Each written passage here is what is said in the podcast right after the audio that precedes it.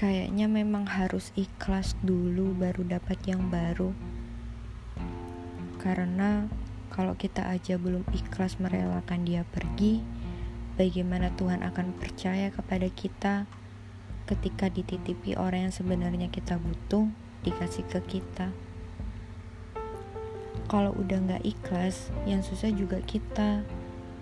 Mau ngapa-ngapain aja kepikiran dia mau pindah ke titik satu ke titik yang lain jadinya galau.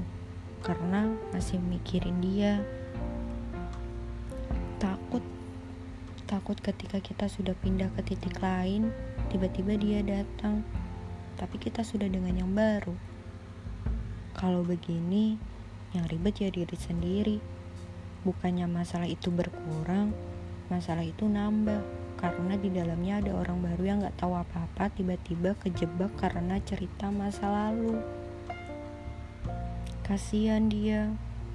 Gak tahu apa-apa jadi ikut ke dalam drama yang sengaja diciptakan untuk memperumit masalah yang ada. Memang harus ikhlas dulu Hal paling menyebalkan adalah ketika kita sudah mencoba merelakan tapi ternyata cerita tentangnya dapat membuat penyesalan di dalam diri. Penyesalan tentang hal-hal kecil yang belum pernah tersampaikan hingga sekarang. Menyebalkan sekali. Gimana ya caranya merelakan dengan ikhlas?